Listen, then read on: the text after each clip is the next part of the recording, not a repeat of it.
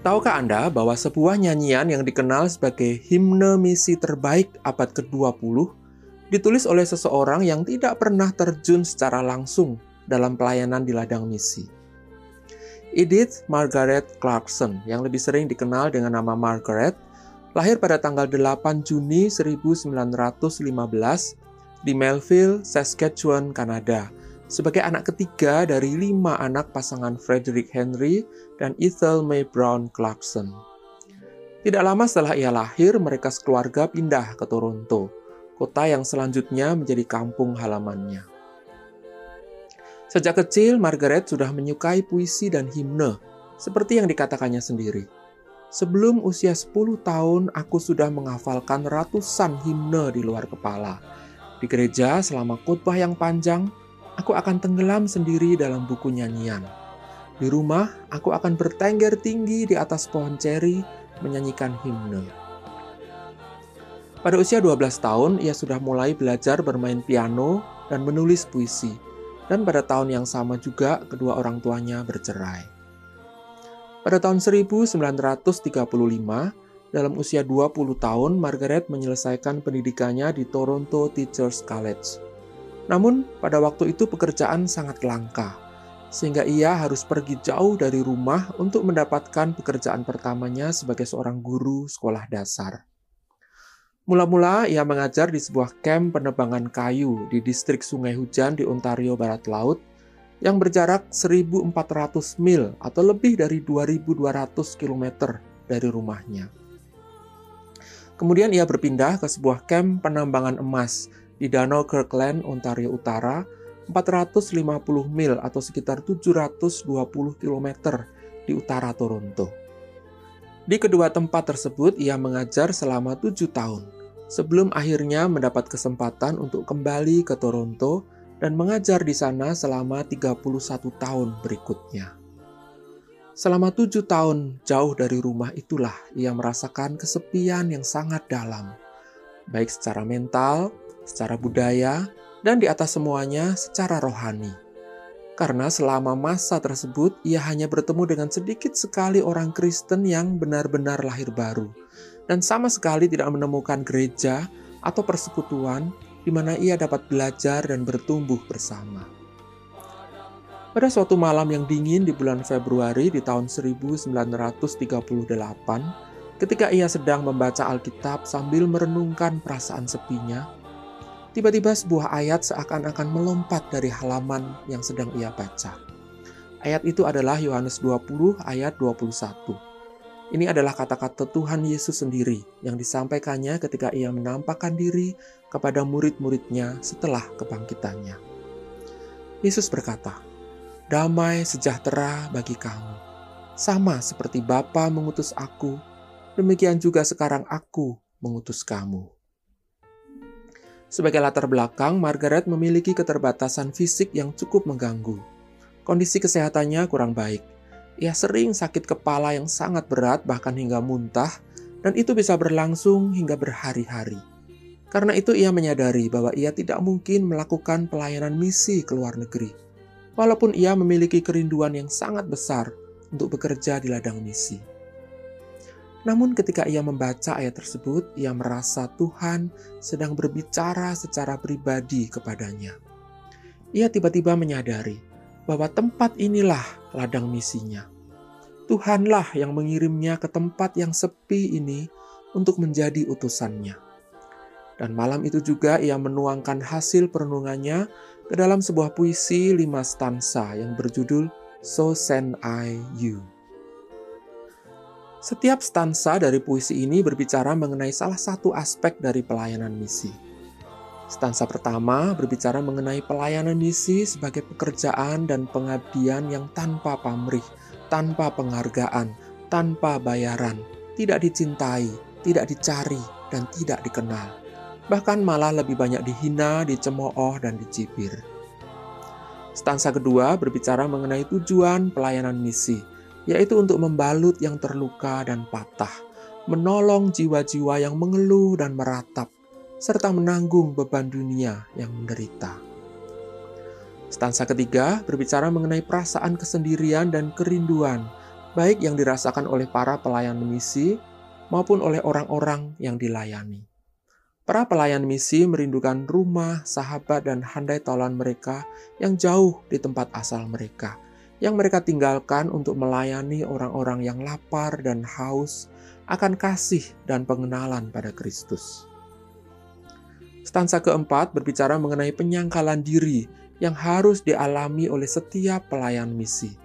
Mereka harus meninggalkan ambisi dan memadamkan segala nafsu mereka untuk melayani di tempat di mana orang-orang mungkin akan menolak mereka. Intinya adalah mematikan diri agar Kristus dapat hidup di dalam dan melalui mereka.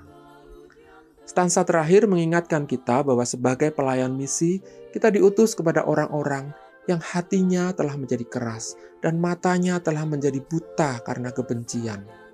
Sehingga dengan demikian kita akan menyelami karya Kristus di Kalvari. Dan sebagai kodanya adalah firman Kristus sendiri yang menjadi inspirasi nyanyian ini, yaitu karena Bapa mengutusku, kuutus kau. Kecerdasan Margaret dalam menulis puisi tampak dalam begitu banyaknya aliterasi atau pengulangan konsonan dalam setiap bait dalam bahasa aslinya. Misalnya, kata-kata seperti unrewarded, unpaid, unloved, unsought, unknown.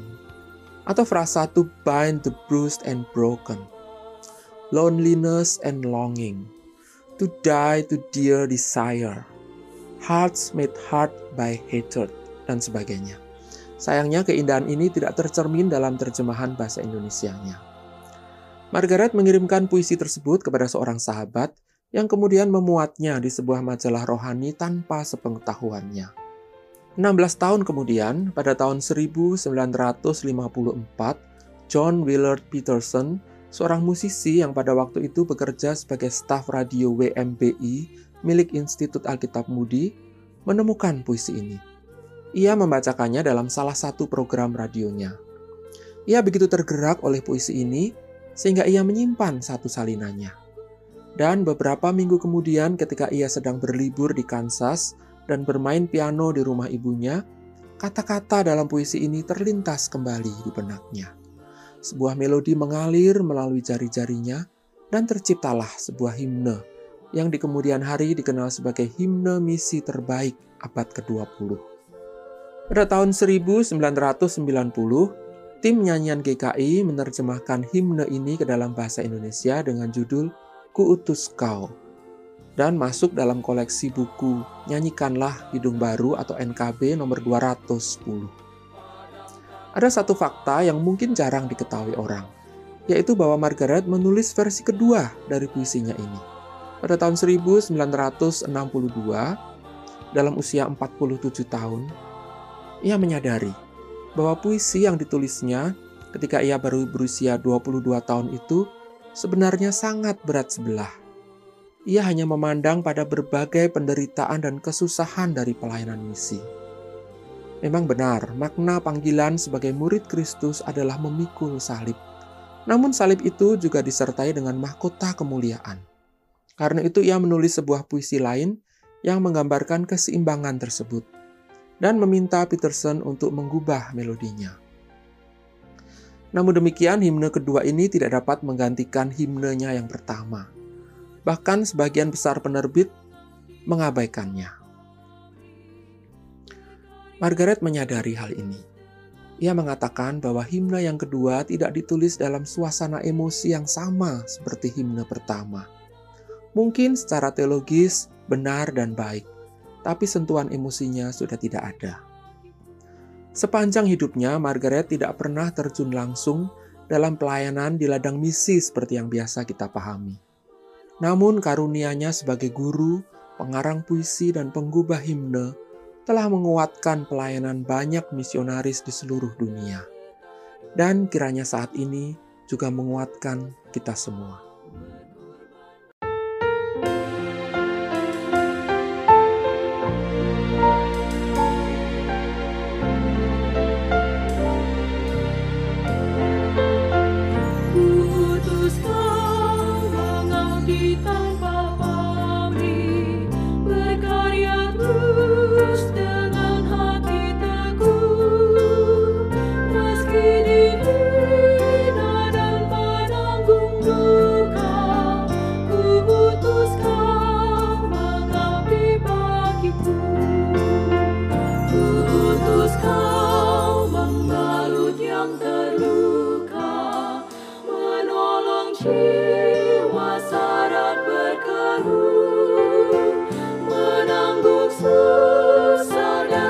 harta dunia Ku kau berkorban bagiku. Ku kau tinggalkan ambisimu. Padamkanlah segala nafsumu. Namun berkaryalah dengan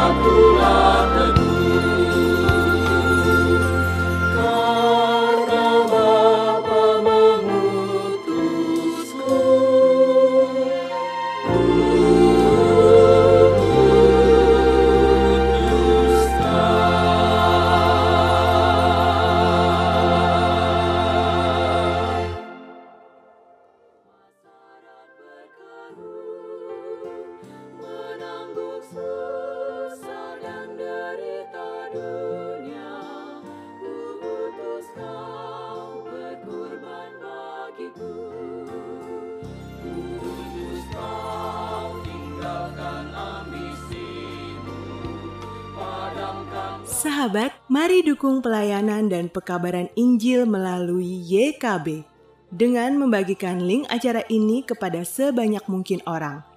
Dukungan juga dapat saudara lakukan dengan mentransfer dukungan finansial ke rekening BCA ke nomor 450 305 2990 450 305 2990 atas nama Yayasan Komunikasi Bersama.